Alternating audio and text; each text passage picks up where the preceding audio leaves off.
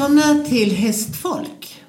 Min gäst idag hon har flera medaljer på EM. Hon har OS-brons och VM-brons och hon har många svenska mästerskap.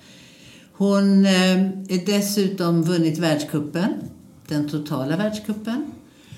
Och hon eh, är idag en av de absolut mest värdefulla personerna när det gäller vårt dressyrlandslag och våra dressyrryttare. Hon är en ikontränare.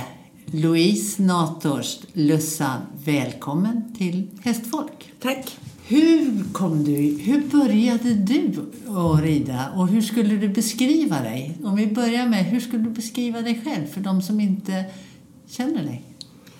Det är alltid väldigt svårt att beskriva sig själv. Det är lättare för andra att beskriva hur, hur jag är. Men jag hoppas i alla fall att jag upplevs som engagerad.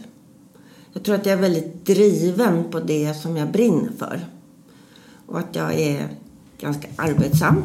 Och sen, jag vet inte, jag är, jag är nog inte en person som tar mycket plats egentligen. Men jag älskar det jag gör och jag känner, hoppas att jag är engagerad och ärlig mot dem som i, i min roll idag när jag är lärare eller coach. Och hur började det? Hur kom det sig att du hamnade där du är idag? Ja, ja, det vet jag inte egentligen riktigt. Jag är uppvuxen i Stockholm. Med, min pappa var barnläkare och mamma hade ett konstgalleri och var absolut inga direkta häst eller djurmänniskor. Jag började rida för att vi, min syster fick en ponny av min farbror. De hade hästar och hade ponny till sina barn som vi fick ta över. Och så hade vi den på Stockholms ridhus. Och då red jag lite på ridskolan där. Innan hade vi varit i Skanör där vi har vårt sommarställe och ridit hos farbror Nilsson på Haga på Små Russ på sommaren. Kände du med en gång att du var så här intresserad eller var, var, trodde du bara att det var någonting tillfälligt? Var skolan viktigare eller var det... Nej, men jag blev nog, jag var ju kanske 12 då när vi fick ponnyn så jag var rätt liten. Kom mm. inte ihåg men jag i princip tror jag att jag levt i stallet från första stund lite grann. Bara blev så liksom. Jag var hos Janne Malmborg på Stockholms ridhus. Då gick vi upp tidigt och hjälpte till att mocka stallet på morgonen för att få rida lite gratis på ridskolehästarna. Så. Så din bakgrund är egentligen också ridskolan? Ja, absolut. absolut. Och den vet ju att du värnar om mm. väldigt mycket. Vad, och önskar att fler skulle börja på ridskola kanske? Ja, men man lär sig som bra hästkunskap på ridskolan. Mm. Alltså, Janne Malmborg var jätteduktig med och liksom man fick lära sig att sköta hästen och se om och ja, allt det här som är viktigt sen i livet. Och sen då, hur gick det vidare? Sen, vad hette din första ponny förresten? Popito. Mm, det kommer jag ihåg. Mm. Och, och jag stod på Stockholms ridhus och en ikon då tidigare, Ella Winvar från Walter, hon stod på Östermalms ridskola, de var grannar. Men det var väl lite sån här konkurrens emellan. Och där red Eva-Karin Oskarsson mm. som också är en stor förebild i dressyren idag. Mm. Och vi red ponnys ihop. Och bytte ponnys ibland så att vi tävlade varandras ponnys och så. Så ni bytte och kunde rida varandras? Det var ju kul. Ja, för att man blev uppklassad på sin egen ponny. Så hade man då vunnit så fick man inte rida den klassen och då bytte vi. Så att vi hade, hade rätt mycket skoj ihop. Och sen, hur gick det vidare sen? Sen så blev det så att jag fick, min syster hade en stor häst som hon hoppade på som heter Rockelina. Och min eh, farbror hade många galoppörer. Och hans dotter Lena Nators var, hoppade och var väldigt känd hoppning. Hon hade en som heter Good Luck som hon hoppade väldigt fint på. Och av honom så fick jag en galoppör som inte ville galoppera. Egentligen, som inte sprang tillräckligt fort på tävling. Mm. Och den hoppar väldigt fint. Så jag hoppar min, jag började med att hoppa. Jag tyckte dressyr var jättetråkigt. Hur gammal var du då? jag var väl 16 när jag började hoppa. Ja. 16 till 18 ungefär så hoppade jag bara. Och då hade jag Chambord som var väldigt duktig på att hoppa. Så jag vann ganska mycket på honom. Och min, fick ta min systers häst, Rockelina, för hon åkte till Schweiz och studerade. Då fick, hade jag bägge de två hoppa på. Och den, den fortsättningen sen, det blev ju... Hur länge höll du på med hoppning? Tills 74 egentligen, då hade jag en... Ja, jag ramlade av rätt mycket, jag red lite för fort. Och så till slut så slog jag i ryggen så att jag fick lite problem med ryggen. Och så tror jag också att jag blev... Jag var nog lite för, lite för rädd för att hoppa det allra högsta. Jag hoppade drottningen, så det var väl typ 1,40, 1,45 kanske. Och sen så... Och då fick jag ont i ryggen och så sa läkaren och framförallt min pappa också att jag fick inte hoppa för jag fick inte ramla av längre. Jag hade några hjärnskakningar också. Och, sådär. och då fick jag rida dressyr. Fick jag gå över till det. Och då fick jag en häst som heter Bacchus. Och med honom red jag dressyr. Han var ett du vet. Det var inte så mm. roligt att galoppera på honom. Men eh, med honom åkte jag till Tyskland efter studenten. Till en svenska som heter Kerstin Christensen som var gift med en tysk, Walter Christensen, som hade ett träningsstall i Nordtyskland. Och som har varit bakom väldigt många framgångsrika dressyrryttare. Ja. Mm. Och där slutade med att jag, till och från, jag, jag, var där sex månader första gången och så var jag hemma lite. För jag skulle fortsätta plugga. Gjorde du det? Ja, jag jobbade på advokatkontor ett tag. Mm. För att jag tänkte att jag skulle läsa juridik. Mm. Men nej, jag kände att det där med att vara på kontor, det funkar inte riktigt. Och då fick jag erbjudande att komma till Strömsholm och gå som andraårselev hos Hans Wikne. Mm. Och då gjorde jag det. Och där blev jag kvar i två och ett halvt år. Jag blev andra och tredjeårselev. Och då var ju redan kört liksom. Att jag, då bara blev det häst.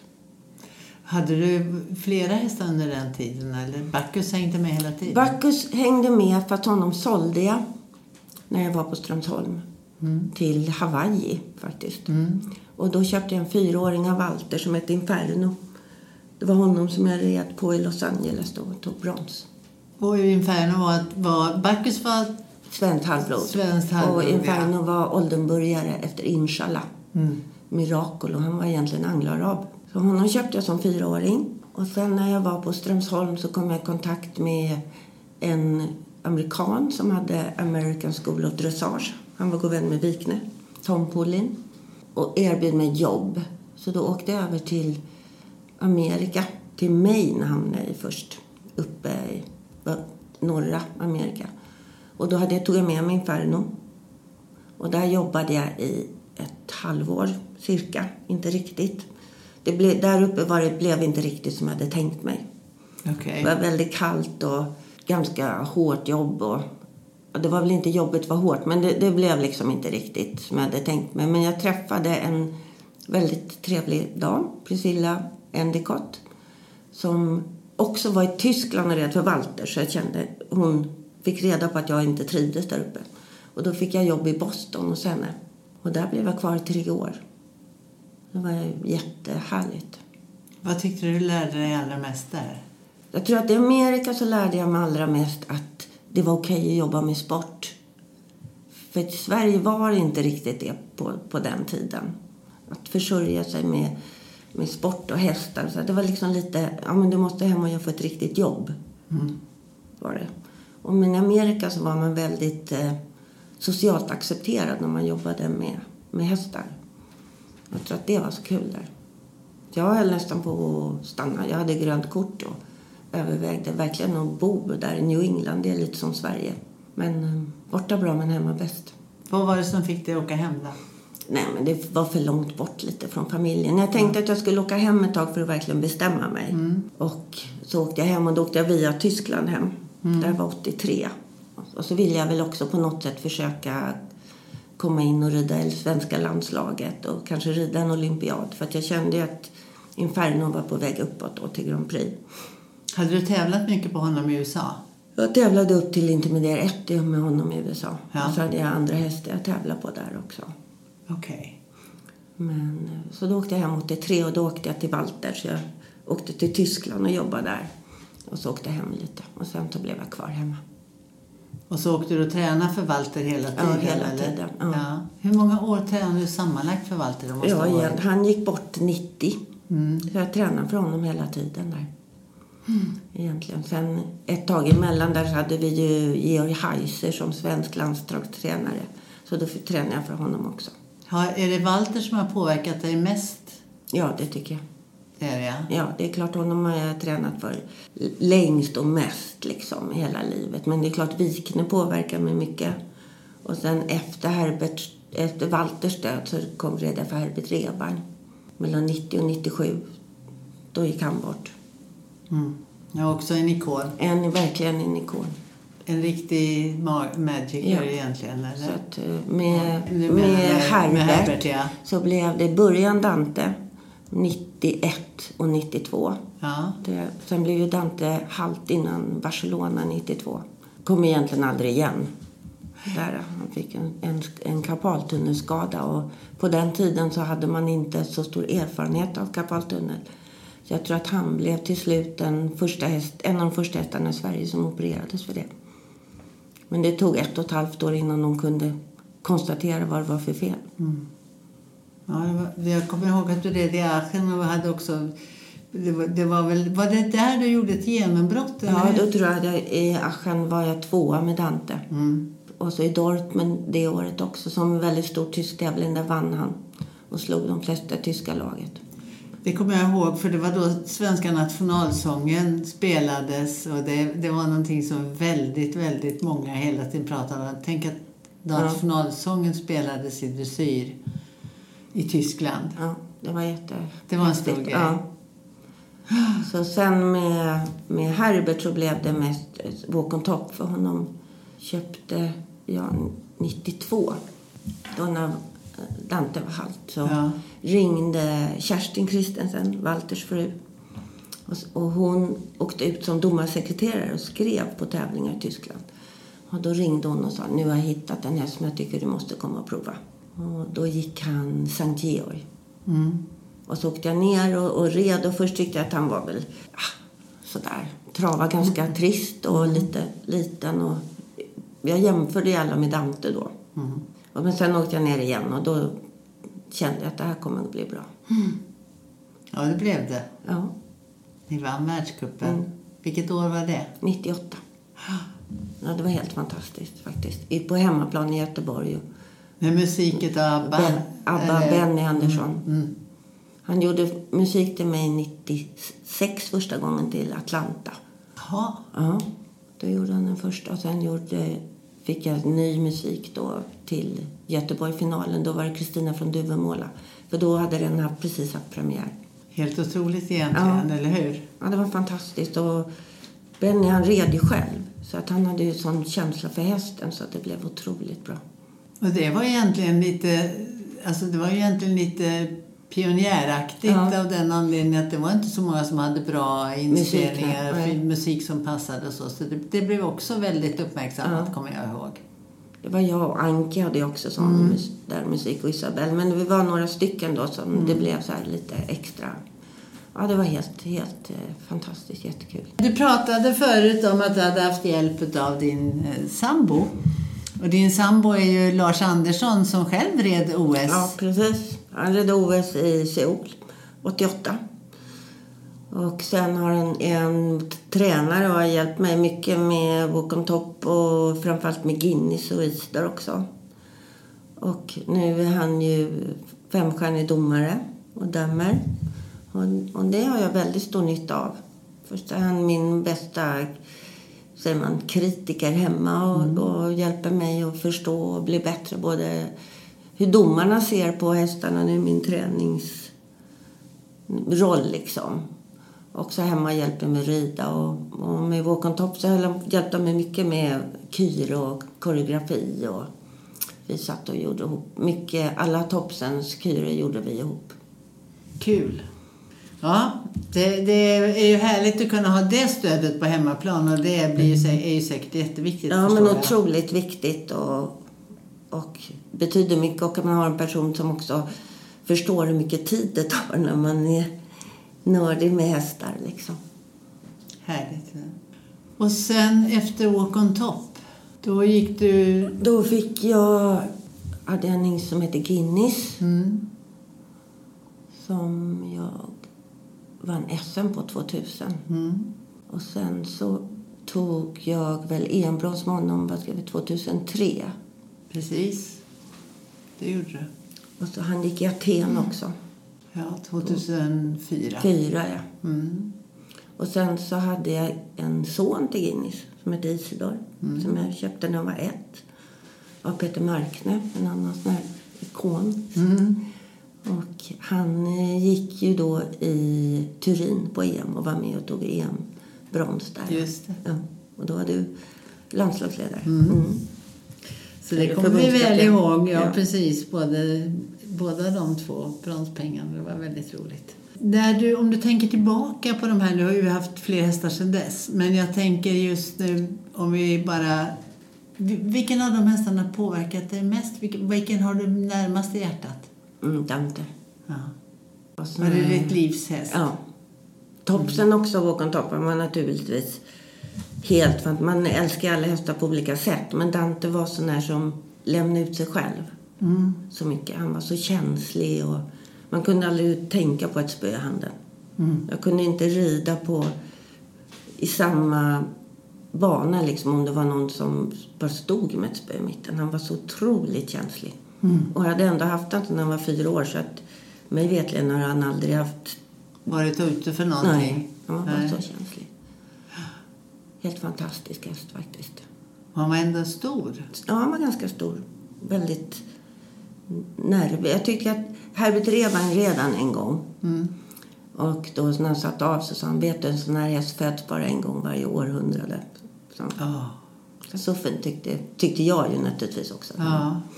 Det var häftigt. Mm, det var häftigt. Så att han var verkligen en sån once in a lifetime häst. Och det som är lite häftigt idag är att jag har ju då Therese Nyshagen som rider i laget. Som också var en fantastisk häst. Och den heter Dante. Och Tessan jobbade ju på Hogsta. Hos dig? Ja, hon jobbade lite extra hos mig. Men hon jobbade för en god vän till oss som heter Ann-Sofie Mannefelt. Mm. Och hon red på min Dante där när han blev lite läromästare till de andra sen. Så hon har ridit på honom. Så världen är konstig. Liten. Världen är konstig.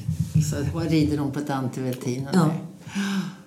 Och så är hon i, det laget som du nu coachar och ja, tränar. Ja. Åker ner och tränar henne med hennes Dante. Det är kul. Ja, det är det verkligen. Vad, vad, vad, har du hela tiden tänkt så att det är det här jag ska göra? Jag ska inte göra någonting annat? Jag vet faktiskt inte, men jag tror att det, det har alltid brunnit så mycket för det här. Jag tycker att det är så fantastiskt kul att rida och hålla på med hästar. Det, det är klart att jag är tävlingsmänniska och liksom vill tävla, men det är inte tävlingen som har drivit mig. Utan det är mer att jag tycker det här med hästar är så fantastiskt kul. Vad är det som, ut, som gör att du tycker det? Jag vet inte. Jag tror att man är född med det. Eller? Mm. Känslan? känslan liksom att det är så härligt samspel. När man har det här härliga samspelet med hästen. Det är så härlig känsla. Och idag tycker jag det är lika kul att vara tränare liksom. Som, men jag rider ju fortfarande. Jag ska aldrig kunna vara utan att rida. Vad är det som, jag tänker så här, du är ju alltid på resande fot. Och du är, Ja, de ju- sista åren har det blivit mycket. Ja, och massor med elever Ja. har du ju. Och finns alltid där för alla. Men jag tänker ibland så här när jag vet att du är på så många olika platser. Vad är det som driver dig? Det, det är hästarna, det förstår jag. Men det måste ju vara mera saker som driver dig just nu, i den här perioden i ditt Ja. liv. Men det är väl så att om man har engagerat sig i, jag nu ska träna landslaget då till Paris i nästa mål. Och då blir jag så här, då brinner jag för det. Då vill jag göra det liksom lite all in. Och så är det väldigt kul. Det är väldigt kul folk som rider och man känner sig uppskattad. Det ger energi liksom. Så så länge jag tycker det är så roligt så håller jag på. Sen tycker jag det har varit jobbigt att resa. För att pandemin har gjort det väldigt jobbigt med flygandet. Långa köer och man måste vara tidig där. Och ja, du vet, det, ja, pandemin har ställt till det. Ja, allting blir mer, mer omständigt. Så, så resandet är inte så kul. Men det är kul att vara på olika tävlingar med alla och vara med på deras resa också. Som en, som en del liksom. Ja. ja det är ju väl det man är mer nervös när man står vid sidan om än när man red själv. Ja. Då, det, det är ju, då kan man ju hantera det själv på sitt eget sätt. Liksom. Vi, vi stannade vid Guinness. Har vi glömt någon häst? Har vi glömt någon av dina tävlingshästar som du... Inferno, Chirac. Mm. Chirac, ja. Ja. Han gick också världscupen ju. Ja, han gick många världscupsdeltävlingar. Han gick två finaler, tror jag. Två eller tre finaler. Och han eh, var en hingst som var fantastiskt fin. Jag vann två eller tre SM med honom. Så honom hade jag. Och sen Dante. Walk on top. Guinness Isidor. Det är väl de som har. Jag hade en som heter Tristan Ask också. Som Antoni Axelsson Jonsson ägde. Den red jag på EM också. När du, hur är din dag? Berätta om en arbetsdag. Hur ser den ut? Om det är du börjar hemma. olika om jag är hemma eller borta. Om jag är hemma försöker jag vara i stallet typ vid kvart över sju. Halv åtta. Så börjar vi med att ta ut de yngre hästarna först. Och så rider jag en eller två och sen har jag elever på eftermiddagen. Och sen har det ju blivit mycket nu att i alla fall nästan två helger i månaden så är man på tävling. Och sen, sen har jag ju träningar, förbundskurser för de som är i landslaget och precis under. Så jag är en gång i månaden två dagar på norra delen och en gång i månaden två dagar på södra delen. Ja, det är full tid. Mm. Och, och på, när du är på utländska tävlingar och då är, du, då är du hela tiden, i- hur långt innan de ska starta är du där? Det beror ju på, men två dagar innan ungefär. Mm. Och sen så försöker jag och Bosse Genode och min förbundskapten vi försöker vara nere två gånger per termin och på träningar och i Tyskland också. Då hos de som är aktuella för landslaget där. Men det är både Patrik Kittel och Tessan då med Dante och flickan Juliette Antonia Rammel. De är där nere. Mm. Så många i svenska laget bor ju i Tyskland och Holland. Vad tror du, vad, vad tänker du när du tänker på utveckling och så? Tycker du att det finns många på gång i Sverige? Ja, men det tycker jag. Jag tycker framförallt att bredden har ökat helt otroligt. Nu har vi ju, som jag var med och initierade ihop med Tinne Wilhelmsson, Lövsta Future Challenge, som är både för U25-ryttare och unga hästar. Det, det har blivit en brygga liksom för de som vill upp i landslaget, upp i Grand Prix från de mindre klasserna. Det har varit en enormt bra grej.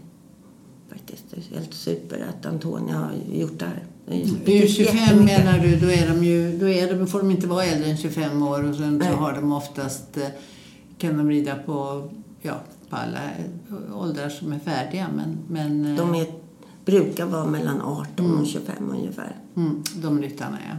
Mm. Har lämnat eh, Young Rider-stadiet. Eh, Om du jämför med andra länder, nu är du, du känner till precis hur man har det i de olika länderna. Vad tycker du?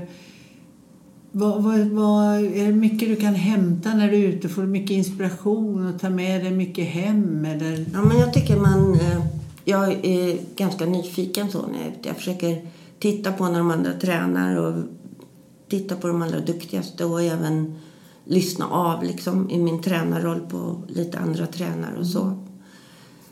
Så att då får man ju mer, mer inspiration hemma och, och sådär. Det tycker jag. Sen i Sverige så är väl Sverige ett långt land.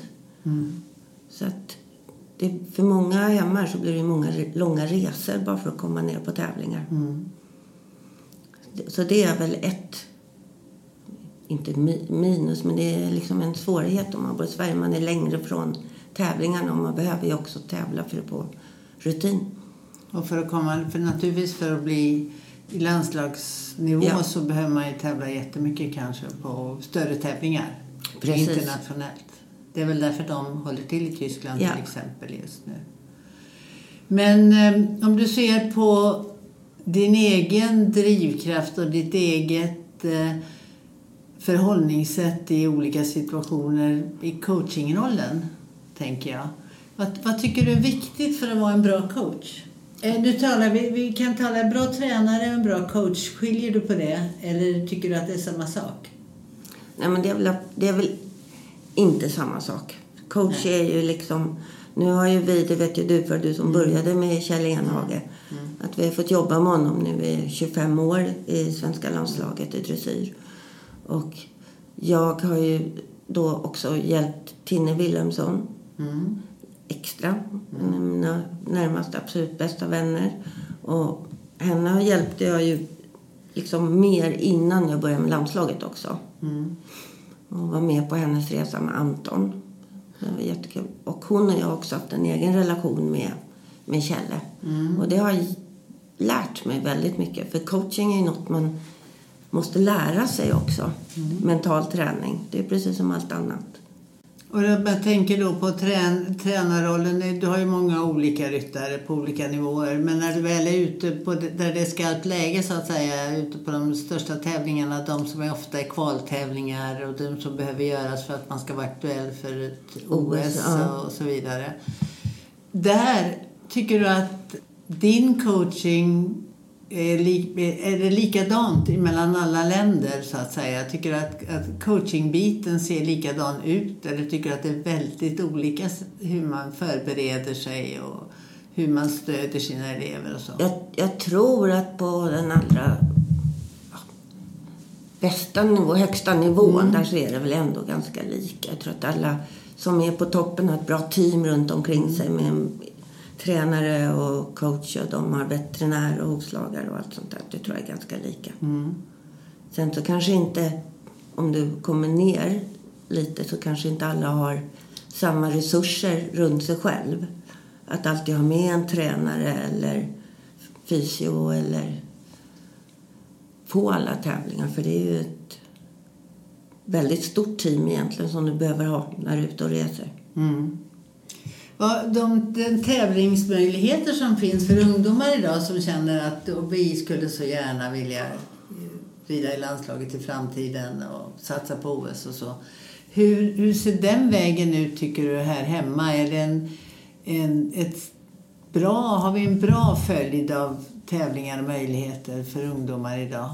Ja, jag tycker det på sätt och vis. Nu har det minskat liksom lite på vissa tävlingar i Sverige och efter pandemin. Det har varit lite tufft för tävlingsarrangörerna. får inte så många starter. Och Det är ganska dyrt. Det är dyrt med diesel, det är dyrt med bensin just nu. Och Så det spelar ju roll, tror jag, att folk drar ner på vad de åker och tävlar.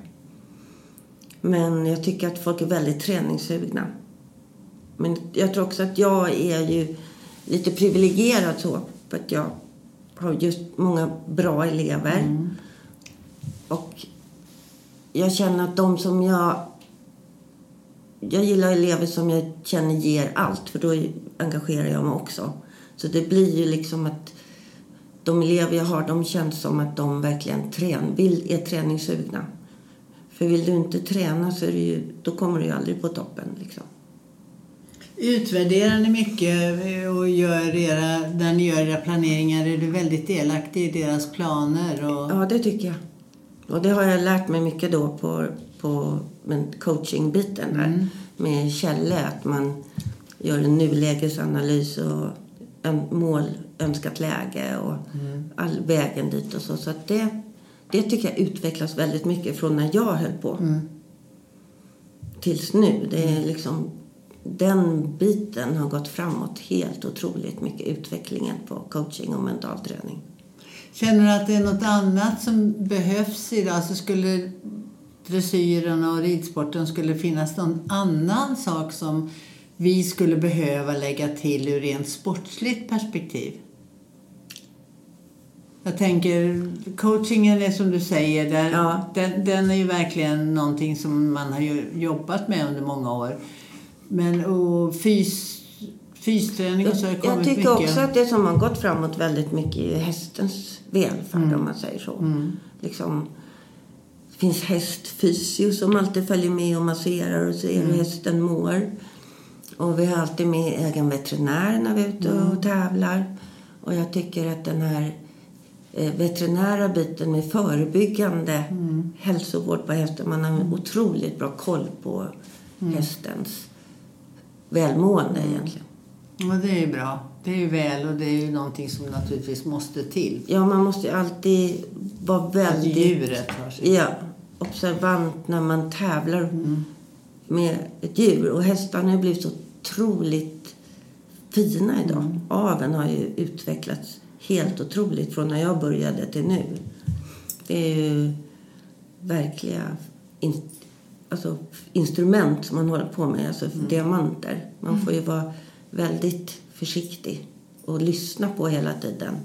Så man ser att eh, trä, lägger upp träningen och lyssnar på vad hästen har att säga. Liksom, även om vi kan prata så måste man kunna läsa av den. Så.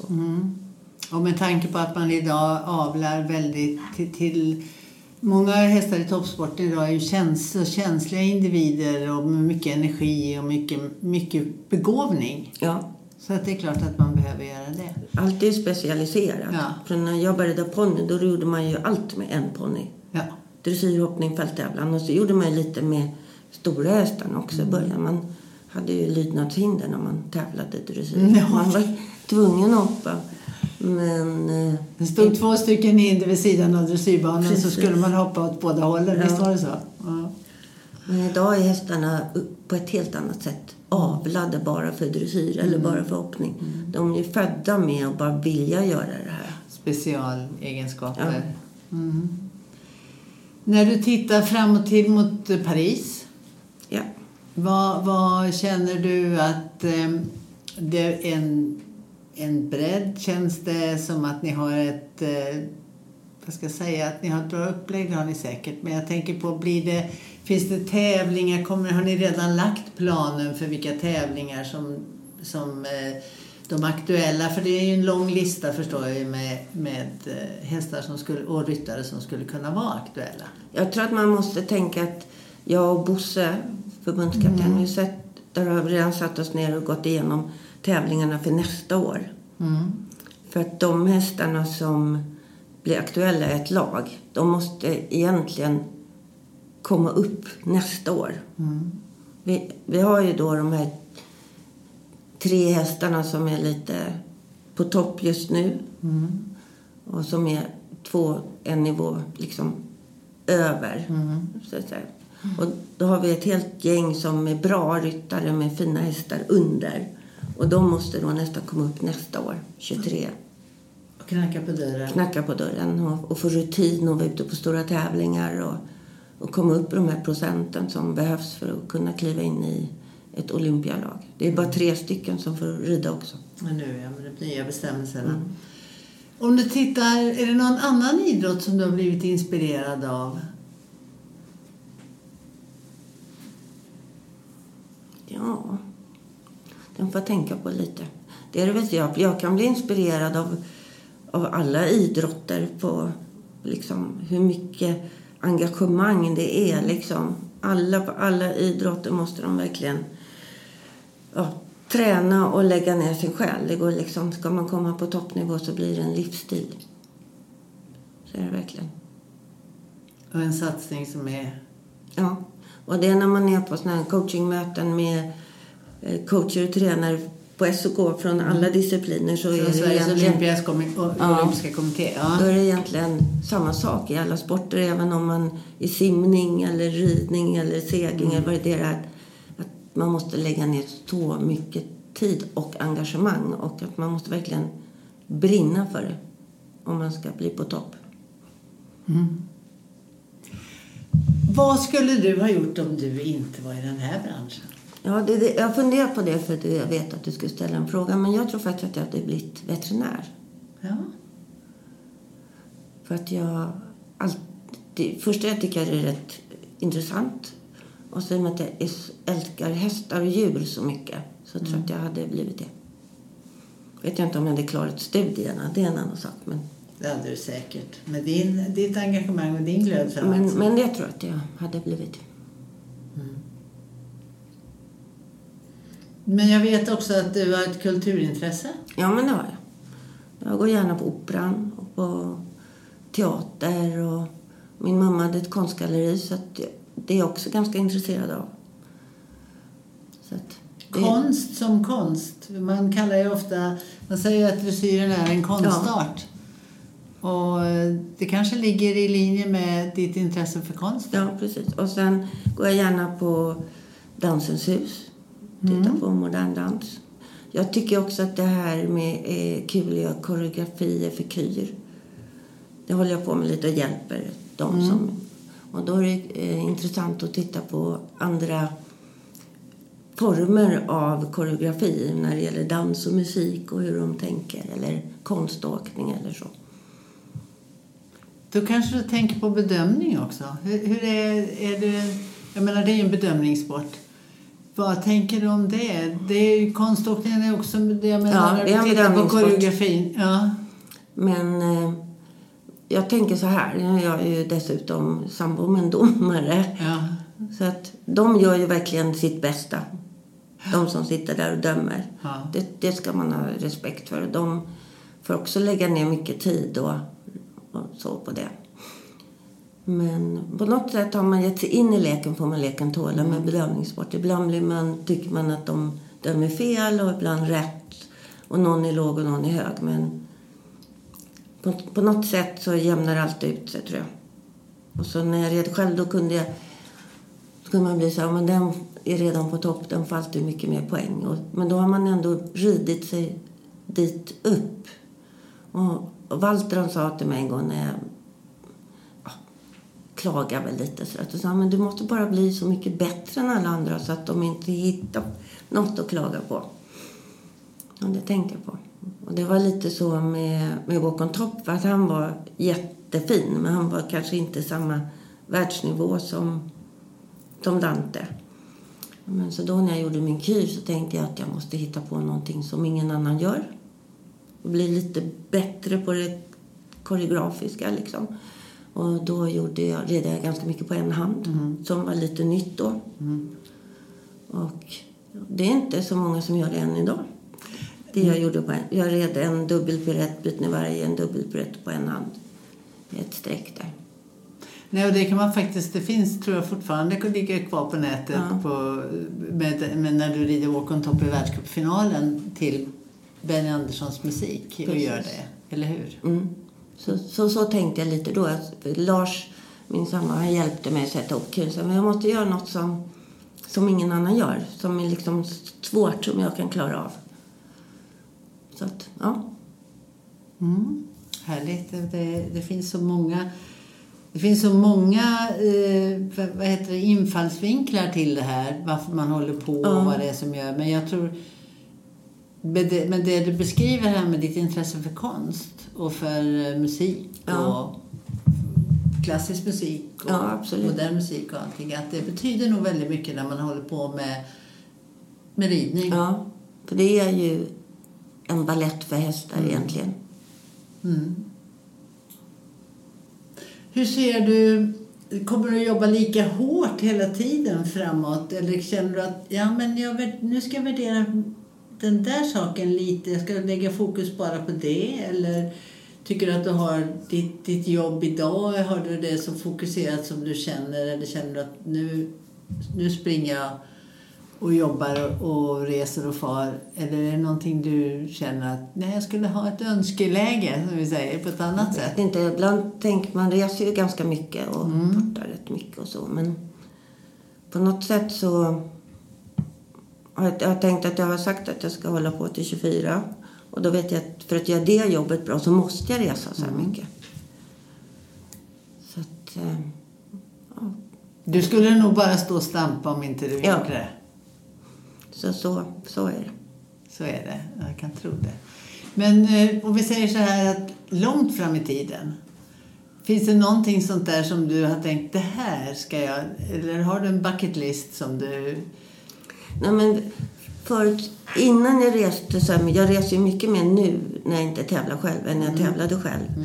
För dessutom så har ju, på gott och ont, har det blivit mycket fler tävlingar utomlands. Så att idag, förut tävlade man på sommaren och tog lite lugnt på vintern.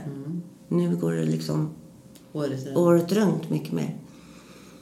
Så blir det så att jag, man, jag skulle vilja resa lite. Men nu, när man reser mycket så här med jobbet så blir det att då vill jag inte resa när jag leder, då vill jag vara hemma.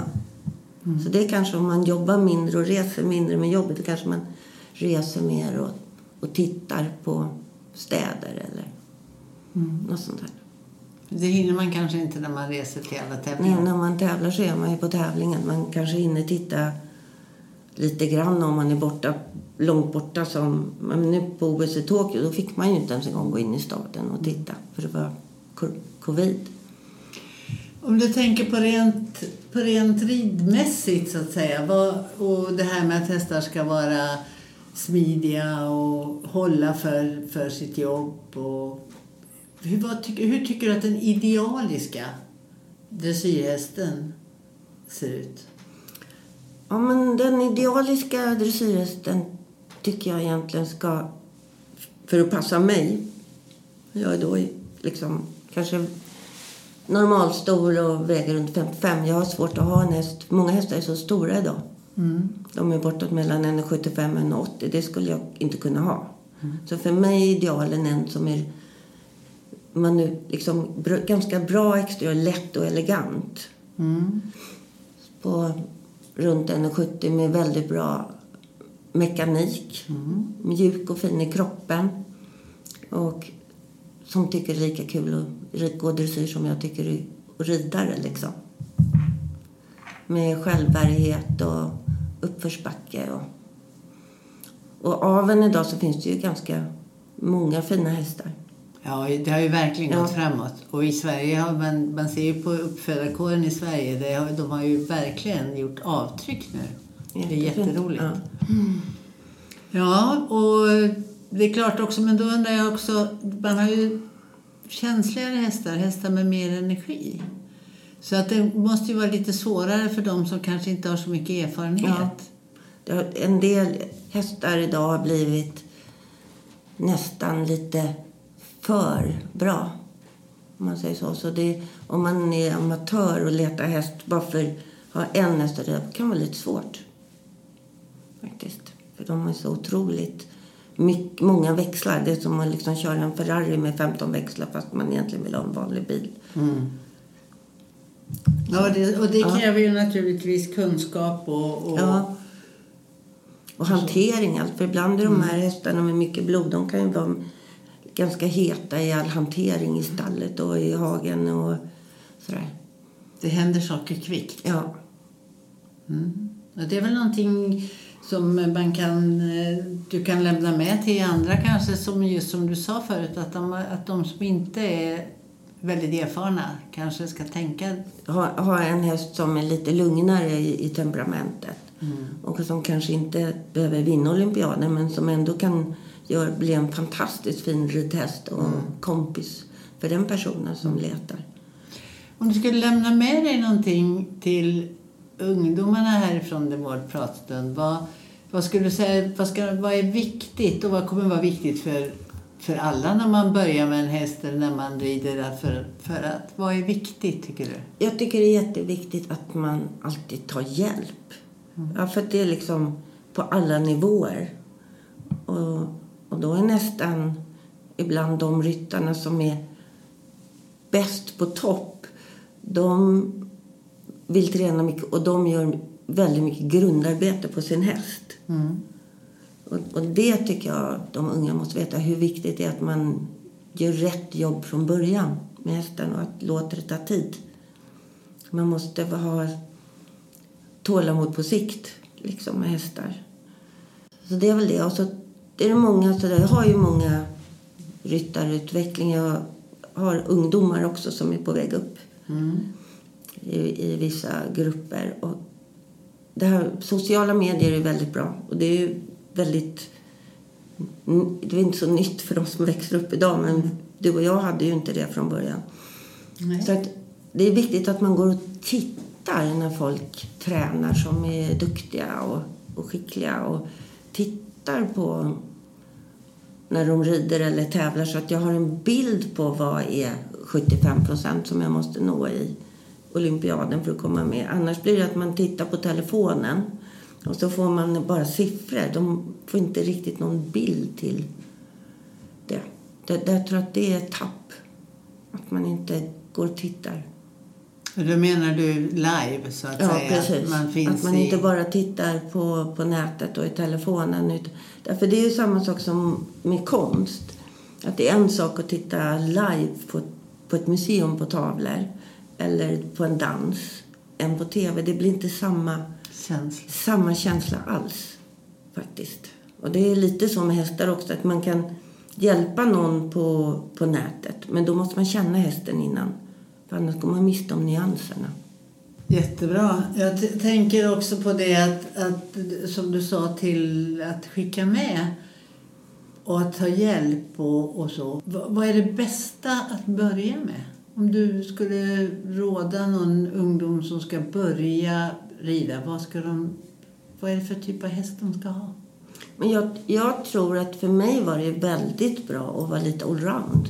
Mm.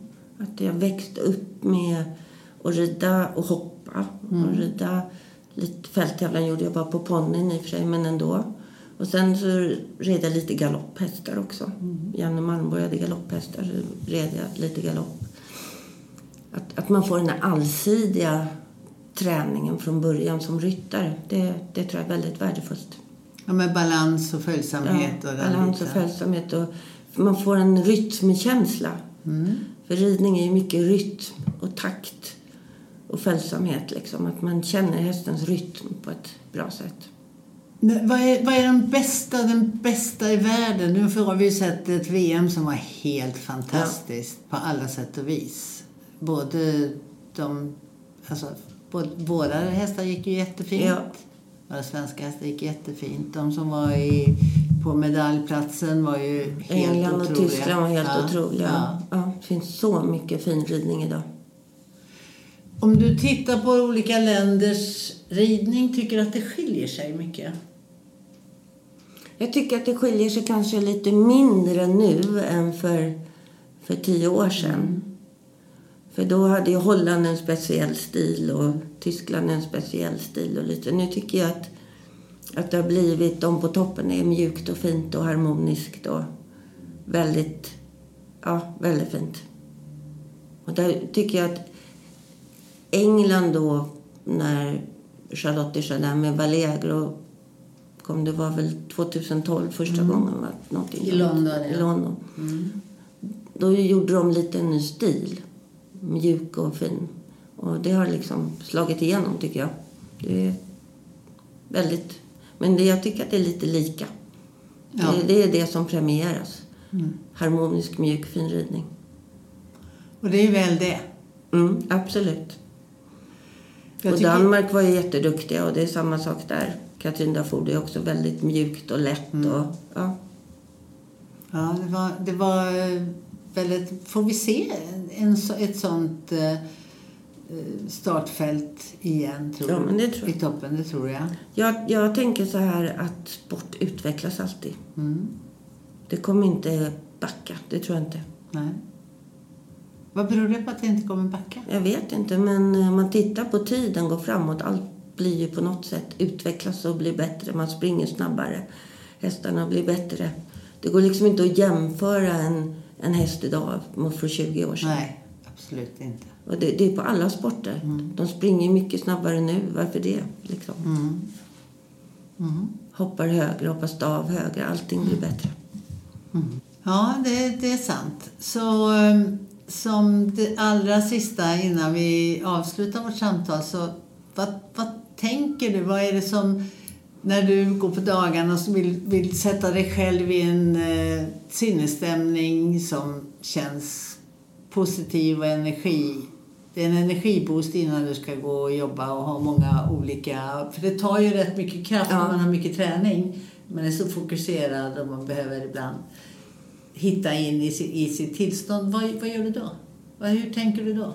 Jag vet inte egentligen sådär. Men, ja, men om, om en vanlig vardag hemma så, där, så kan det ju bli så, så betyder det väldigt mycket att man kan gå upp och så gå till stallet. Ha sina hästar där och man sätter sig upp och rider. Och det, det är feel good och då mår man ju bra. Härligt. Jätte, jätte, det tycker jag är väldigt fina avslutningsord. Att det är din bas och din grund i ditt välmående och energi innan du går Ja, vidare till jobbet. Tack snälla Lussan för en jättehärlig Tack pratstund. Och eh, härligt att lyssna på dig. Tack för att ni har lyssnat på Hästfolk idag och välkomna tillbaka snart.